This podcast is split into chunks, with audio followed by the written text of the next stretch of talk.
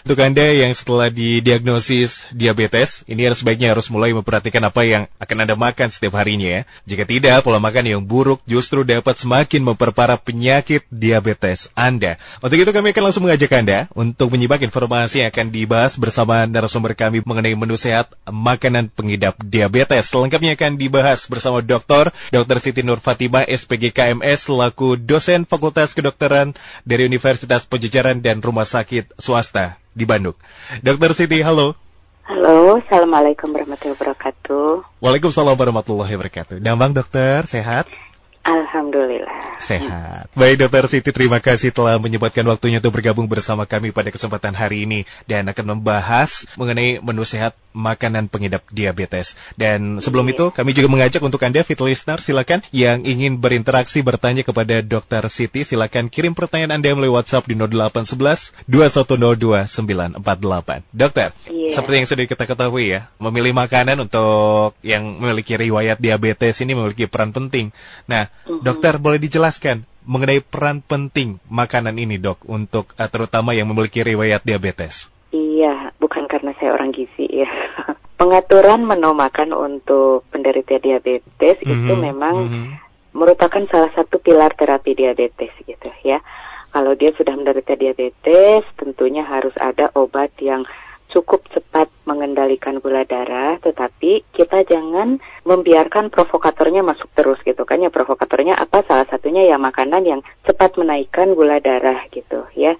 Jadi memang sangat penting untuk tidak menjadi lawan obat-obat diabetes yang cukup rumit, cukup mungkin eh, perlu biaya juga, Iya, harus memperhatikan efek samping ya, karena kualitas hidup penderita itu harus tetap baik ya karena Mhm, seumur mhm. hidup harus dia harus tetap menjalani pengobatan ya dinikmati ya tanpa rasa berat gitu. Jadi memang bagaimana kita memberi pola makan Iya. karena tidak mungkin pasien tidak makan, tidak mungkin dia ketat sekali dan Mhm, dia harus mhm. menikmati. Kalau tidak dinikmati, dia tidak akan konsisten, dia akan stres dan itu juga mengacaukan gula darah gitu ya dan mampu laksana dia dan keluarganya menyediakan gitu kan jangan yang tidak mungkin disediakan yaitu sama aja gitu ya. Itu sih ya. Jadi eh, penting untuk membantu terapi utama dalam mengendalikan gula darah gitu Mhm, ya. mhm.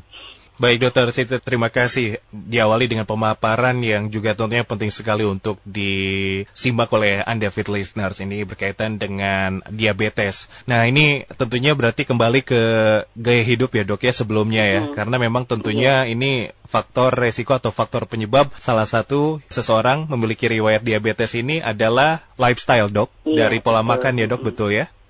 Ini banyak tadi kalau dokter menyampaikan dengan istilah provokator. Makanan yang dikonsumsi yang bisa tentunya ini menaikkan gula darah. Iya, betul. Iya, itu dia. Apa saja dok sebetulnya provokator ini? Iya, jadi memang provokator itu yang meningkatkan kadar gula Mhm, melebihi mhm. ambang batas yang bisa dikontrol oleh tubuh kita, apalagi Oke. seorang penderita diabetes Mhm, ya. mhm. Jadi kita harus tetap makan, Betul bahkan dok. harus teratur makan itu jamnya, nggak teng setiap detik jam-jamnya, tapi sekitaran jam itu kita harus makan Mhm, ya. mhm. Karena kalau ada penderita yang sangat takut makan, dia akan jatuh pada kondisi hipoglikemia atau gula darah turun drastis itu juga nggak bagus ya. Yang dikhawatirkan turun gula darah ke organ-organ vital itu akan mengancam kehidupan juga. Nah, jadi penting makan teratur, kemudian pada saat makan itu komposisi makanannya yang artinya seimbang untuk penderita diabetes itu tidak cepat menaikkan gula darah. Kita bukan memusuhi gula, ya kita tetap butuh gula karena gula itu adalah sumber energi utama untuk sel-sel yang vital juga. Tetapi bagaimana tubuh memperlakukan gula yang masuk itu supaya tetap bisa masuk ke dalam sel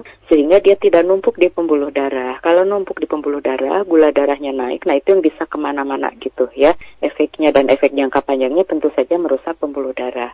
Nah jadi tadi pertama jadwal ya Jadwal. harus mhm. teratur makan pagi, siang, malam, Mhm, naiknya mhm. mungkin gitu kan ya, sesuai kondisi dan aktivitas pasien itu. Mhm, mhm. Kemudian komposisinya yang tidak tinggi karbohidrat yang kita sebut terutama karbohidrat sederhana yang cepat sekali naikin gula darah ya. Nanti kita bahas di depan apa itu karbohidrat sederhana. Mhm, mhm. Cukup serat juga ya. Dan kemudian setelah itu baru dilihat jumlahnya gitu kan ya. Karena penderita diabetes itu bukan rakus tapi gula darahnya itu yang tidak sampai ke sel Mhm, mhm. sehingga sinyal ke atasnya ya lapar gitu. Jadi ada nih makanan tapi nggak bisa masuk ke sel target gitu sehingga sinyalnya lapar sehingga dia selalu lapar gitu selalu mm -hmm. haus ya nah itu yang harus kita kontrol gitu gimana dia kenyang tetapi tidak menaikkan gula darah, gula darah. juga gitu ya prinsipnya itu sih ya nah provokator itu dari mana jadi provokator itu itu jadwal tidak teratur kalau lagi makan makan okay. kalau lagi males-males mm -hmm. ya atau kalau lagi makan makanan tertentu yang tinggi gula gitu kan ya atau tinggi tepung ya tidak selalu gula tepung walaupun rasanya asin atau jumlahnya saking enaknya nambah-nambah nah itu yang harus dikontrol ya Ya itu dia dokter Siti menjelaskan mm-hmm. kembali mengenai provokator yang tentunya ini menjadi faktor resiko terutama bagi penderita diabetes ya dok ya yang mm-hmm. juga di mana tentunya itu hal-hal yang tadi telah disampaikan untuk diperhatikan oleh anda fit listeners. Dokter memang betul ya kalau yang memiliki riwayat diabetes ini bawaannya lapar, bawaannya haus begitu iya, ya. Memang seperti betul, itu kondisinya. Betul. Ada gejala klasik seperti itu walaupun hmm. tidak ada pada setiap orang. Okay. Tetapi biasanya pengalaman secara perjalanan penyakit memang akan timbul seperti itu. Jadi pusat hausnya terangsang, gula darahnya tinggi, kemudian fungsi ginjalnya juga tidak terkontrol jadi beser ya orang Sunda bilang, kemudian yaitu lapar gitu. Hmm. Dan terutama biasanya pada saat gula darah meningkat-meningkat itu akan hmm, timbul hmm, keluhan hmm. seperti itu. Dan lemas ya anak orangnya juga jadi lemas hmm. gitu ya karena energinya kacau kan pengaturan energinya ya. Dokter juga tadi menyampaikan yang namanya karbohidrat sederhana ya dok iya, ya? betul. Itu secara spesifik apa dok yang mungkin juga bisa dijelaskan kepada pendengar silakan. Ya, karbohidrat sederhana itu kalau dari komposisinya dia itu karbohidrat dari bahan makanan alami yang telah mengalami efek pengolahan ya dan seratnya berkurang atau misalnya bahan makanan tertentu seperti contohnya gula gitu kan. Gula itu murni sukrosa. Yeah. begitu kita makan atau minum itu akan langsung diserap dan langsung naikin gula darah jadi karbohidrat sederhana itu adalah bahan makanan sumber karbohidrat yang strukturnya lebih sederhana yang kita sebut nama kimianya disakarida gitu ya. E, disakarida itu ada dua molekul glukosa gitu ya. Kalau gula itu satu molekul, kemudian disakarida dua molekul glukosa, itu langsung diserap dan langsung naikin gula darah. Atau ada beberapa dari untaian gulanya itu yang cukup panjang, yang kita sebut polisakarida, tetapi kadar seratnya sudah berkurang, seperti yang dibuat tepung ya. Jadi misalnya kalau mie dari gandum dibuat tepung, tepungnya tepung halus yang rendah serat, kemudian diolah lagi jadi mie, kemudian mie basah atau mie kering, kemudian sampai di rumah kita olah lagi. Nah itu pengolahannya sudah dibantu di luar sehingga dicerna cernanya sebentar dan cepat juga naikin gula darah. Nah, ada yang disebut juga indeks makanan nilai indeks glikemik. Jadi, tiap makanan sumber karbohidrat itu ada nilai indeks glikemiknya. Artinya kemampuan untuk menaikkan kadar gula darah setelah satu jam makanan itu dikonsumsi. Yang dianjurkan untuk penderita diabetes itu adalah makanan yang indeks glikemiknya rendah. Jadi kemampuan menaikkan gula darahnya lebih rendah. Yaitu tadi makanan yang tinggi serat atau yang pengolahannya tidak terlalu lama gitu ya. Jadi karbohidrat sederhana itu bisa gula dengan produk olahannya mm -hmm. dan berbagai produk olahan tepung ya. Itu adalah karbohidrat sederhana ya itu.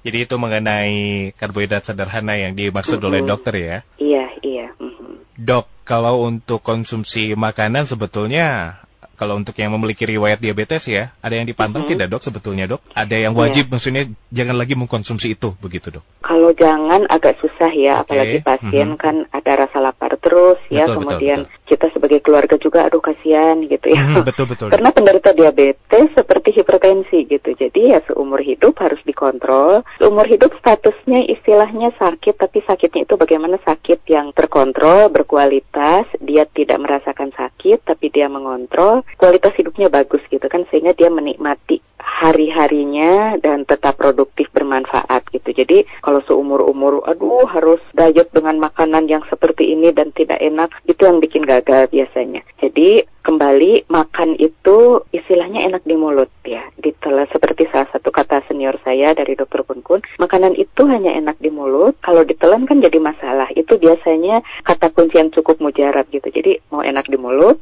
atau nanti udah ditelan jadi masalah harus ke rumah sakit karena gula darah melonjak gitu.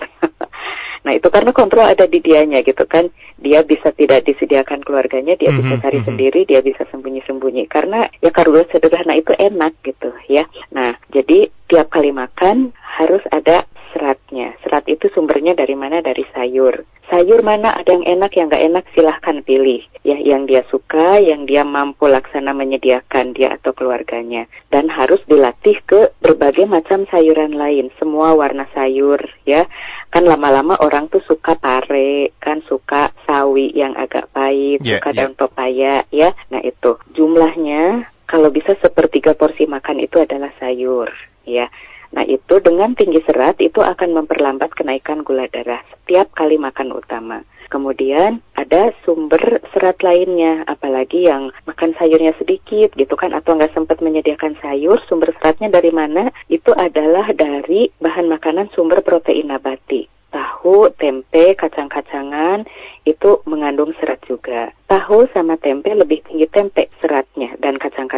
Kalau tahu itu lebih tinggi air dan lebih tinggi karbohidratnya. Mm -hmm. Tapi tahu masih tetap sehat ya dibanding makanan mohon maaf misalnya cireng gitu ya. Iya, yeah, iya. Yeah. gitu. Bukan nggak boleh cireng ya. Yeah, yeah, Nanti yeah. kalau gula darah lagi terkontrol bolehlah nyobain gitu ya.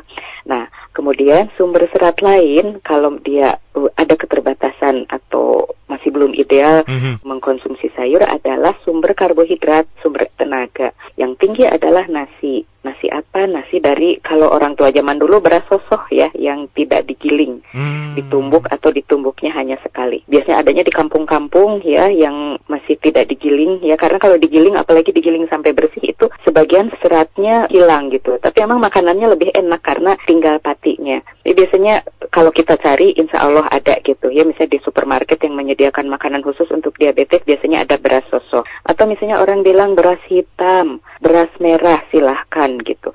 Atau beras putih aja nggak apa-apa beras putih asal nggak dibikin bubur, mhm, mhm. nggak dibikin lontong atau nggak dibikin tim. Kenapa? Karena dimasak lebih lama itu lebih cepat naikin gula darah. Ya, nah kalau saya tidak sempat menyediakan nasi atau ada beberapa orang yang tidak suka ya, uh, sebetulnya bisa sumber karbohidrat lain, tapi kita usahakan yang tetap seratnya lumayan. Kalau umbi-umbian misalnya kentang sama talas itu lebih tinggi talas seratnya. Kalau kentang dimakannya tidak panas ya, harus dingin. Enak nggak ya kentang dingin?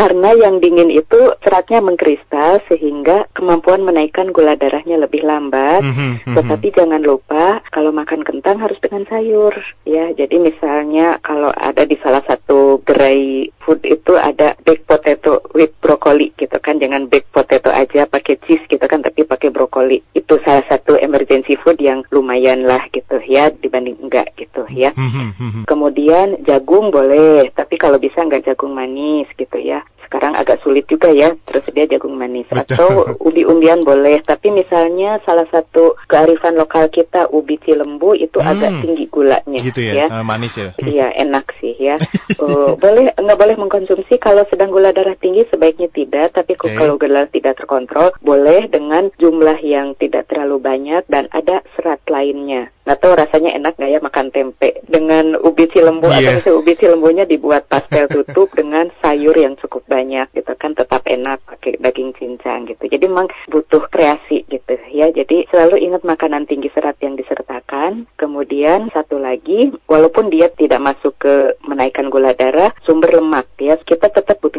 protein ya, terutama penderita diabetes risiko imunitasnya juga lebih rendah, apalagi sekarang di masa pandemi Covid gitu ya. Jadi protein jangan dilupakan, tapi proteinnya yang rendah lemak karena protein itu kalau kita pilih yang enak adalah yang tinggi lemak. Tambah tinggi lemak naik, ke gula darah tidak terlalu gitu ya. Karena kalau misalnya kita makan bervariasi, ada lemaknya, ada proteinnya, kena kemampuan menaikkan gula darah juga lebih lambat. Tapi kalau lemaknya tinggi, dia akan mengganggu kerja insulin juga gitu ya. Jadi protein yang rendah lemak apa? Protein yang tidak jeruan, yang tidak lemak, yang tidak kulit, daging putih lebih rendah lemaknya daripada daging merah mm -hmm, gitu mm -hmm.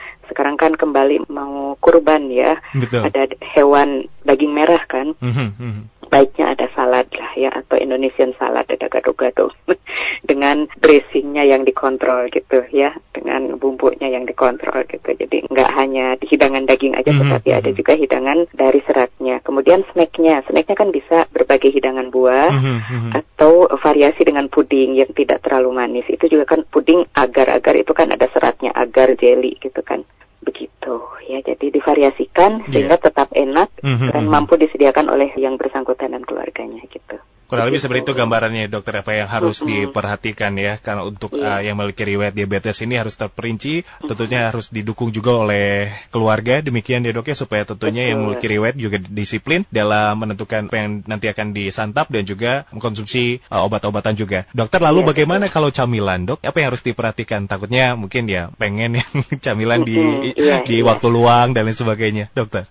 Iya camilan memang harus ada snack sih. Jadi okay. tiap between meal itu harus ada makanan kecil mm-hmm. karena mm-hmm. kalau enggak kan kemampuan insulin untuk mengontrol gula darahnya itu yang gagal gitu kan pada penderita diabetes. Jadi dikhawatirkan setelah tiga jam itu drop gula darah rendah gitu kan dan itu biasanya orang Sunda bilang salatri ya keringat dingin. Nah itu yang kita jaga harus ada snack di antara dua waktu makan tapi yang kembali yang tidak cepat naikin gula darah. Pertama godaannya biasanya minuman manis. Minuman manis itu cepat naikin gula darah ya. Mau teh manis mm -hmm, yang mhm, bikin mm -hmm. atau yang merek mau berbagai uh, minuman katanya minuman buah ya. Mohon maaf ya saya tidak menyebutkan merek ya. Tapi berbagai minuman sari buah yang dijual di pasaran itu gulanya juga tetap tinggi. Kalau mau bikin crude juice gitu. Jadi jus dari buah di blender kasar kalau bisa nggak pakai gula lagi, lebih baik ya. Jadi semanis-manis dari buah. Jadi jangan membiasakan pasien itu minum manis banget gitu ya.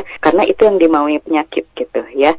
Kalau memang misalnya buahnya asam ya, ada beberapa misalnya kalau bikin jeruk di blender rasanya tidak manusiawi. Kan makanan itu harus manusiawi juga gitu ya. Jangan terkira-kira nggak enak gitu kan.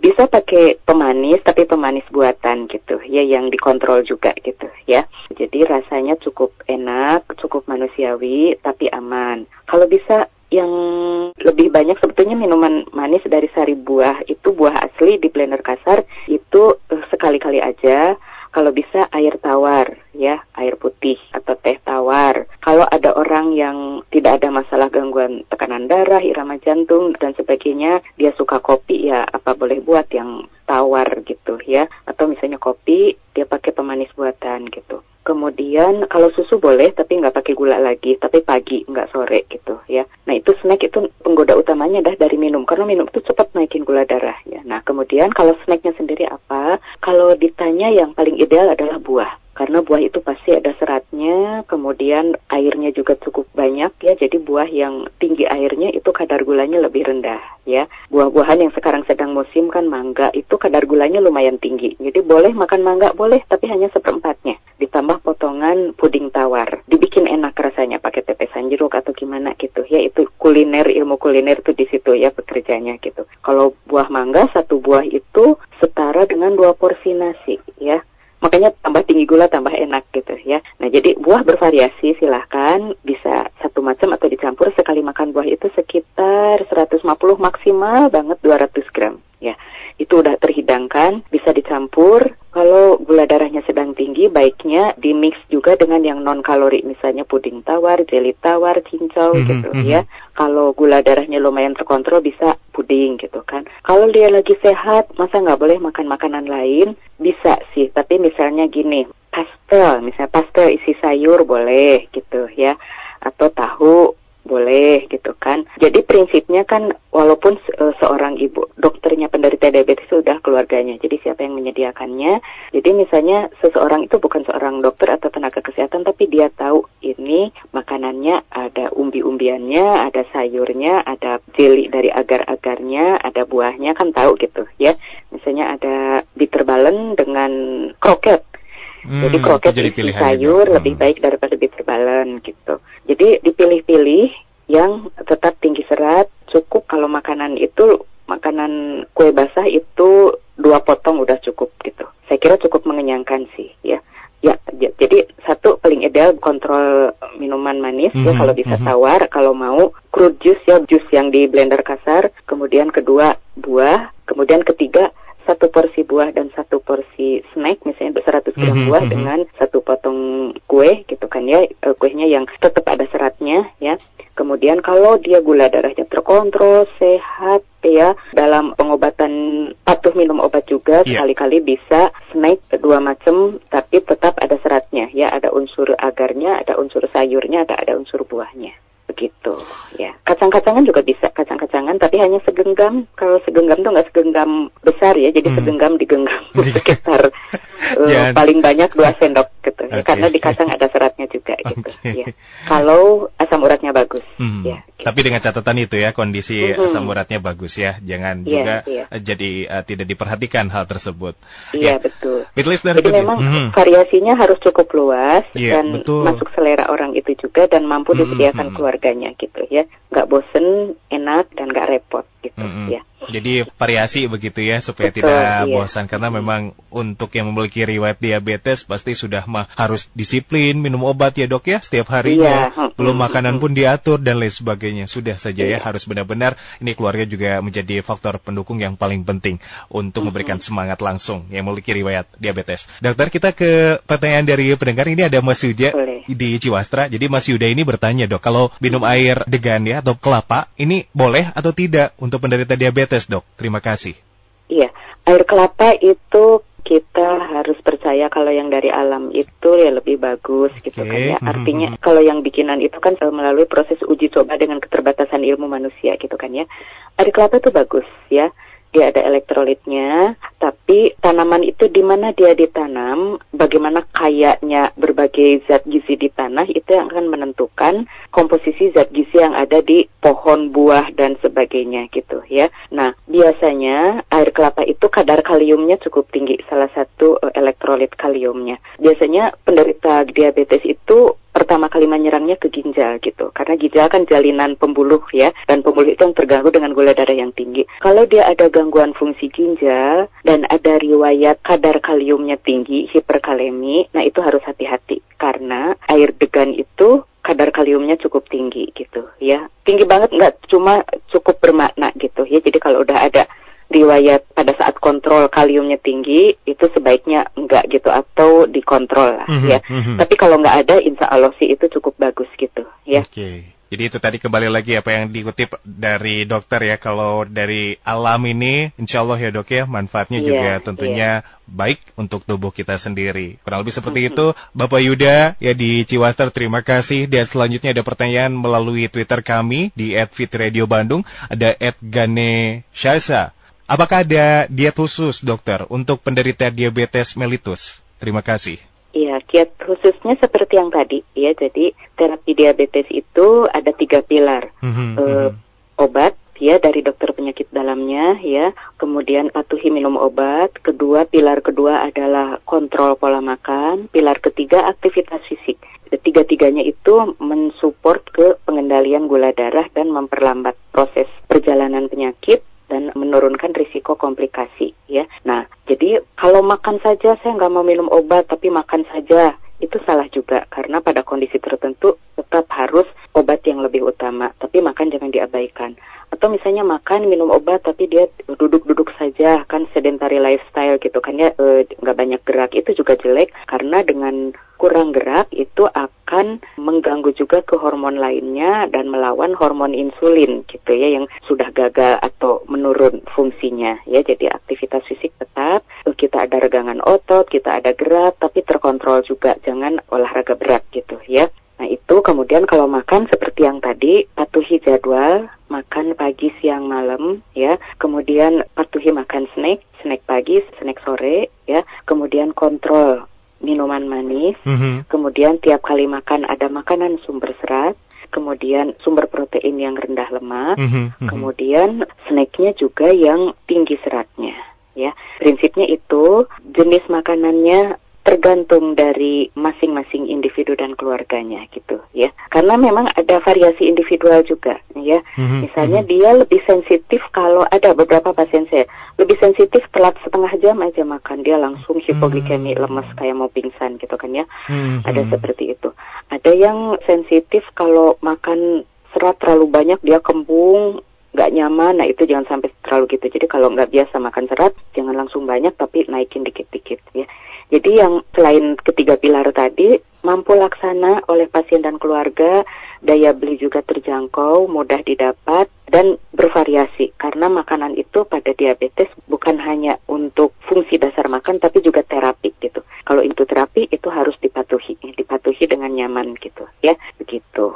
Oke, itu dia. Terima kasih untuk Dokter Siti telah menanggapi pertanyaan dari pendengar yang bertanya melalui WhatsApp dan juga Twitter. Dokter Siti tidak terasa berada di penghujung untuk perbincangan kita pada kesempatan hari ini. Berkenan untuk menyampaikan penutup ataupun closing statement, Dokter? Mangga. Iya, terima kasih. Penderita diabetes di negara kita itu cukup banyak ya karena berbagai faktor genetik maupun lingkungan, tetapi faktor lingkungan cukup berperan sehingga baik penderita diabetes maupun yang bukan penderita apalagi keluarga diabetes tetap harus kontrol pola hidup ya salah satunya dari makanan. Kalau yang sudah menderita diabetes anggaplah pola makan itu sebagai terapi juga sehingga kita bisa disiplin, bisa patuh ya. Kita harus merubah ke rekomendasi eh, yang sesuai direkomendasikan baik dari gizi maupun dari dokter penyakit dalamnya bahwa makan harus teratur, kemudian ada sumber serat di setiap kali makan, kemudian sumber karbohidrat sederhana dari gula dan makanan-makanan olahan itu juga dikontrol. Kemudian sumber protein jangan dilupakan karena kita menghadapi pandemi COVID yang mungkin tidak akan sebentar, tetapi penderita diabetes itu tetap harus kualitas hidupnya tetap bagus, tetapi e, sehat ya dan risiko mendapatkan COVID-nya juga tidak setinggi yang kalau tidak dikontrol ya dan jangan lupa dengan aktivitas fisik sehingga kita bisa tidak khawatir tetap diabetes, tetap berkualitas hidup kita, tidak berisiko mendapatkan penyakit-penyakit menular seperti COVID ini sehingga kita tetap nyaman dan bahagia ya dengan makanan yang mampu kita sediakan yang betul. Ya, itu. Demikian dokter, terima kasih untuk kesempatan iya. hari ini telah bergabung dan memberikan informasi yang bermanfaat. Bagaimana juga iya. tentunya kita melihat bahwa menu sehat makanan pengidap diabetes juga perlu diperhatikan. Dokter iya. Siti, terima kasih. Selamat beraktivitas di Sama-sama. rumah dokter. Selalu jaga iya, kesehatan iya, ya dok. Ya. Insya Allah di lain kesempatan kita bisa Amin. bergabung kembali di Fit Radio. Terima kasih. Demikianlah bersama Dokter Dokter Siti Nur Fatimah, SPG KMS, selaku dosen Fakultas Kedokteran Universitas Pejajaran dan Rumah Sakit Swasta di Bandung yang telah memberikan informasi informasi untuk Anda di Fit for Life.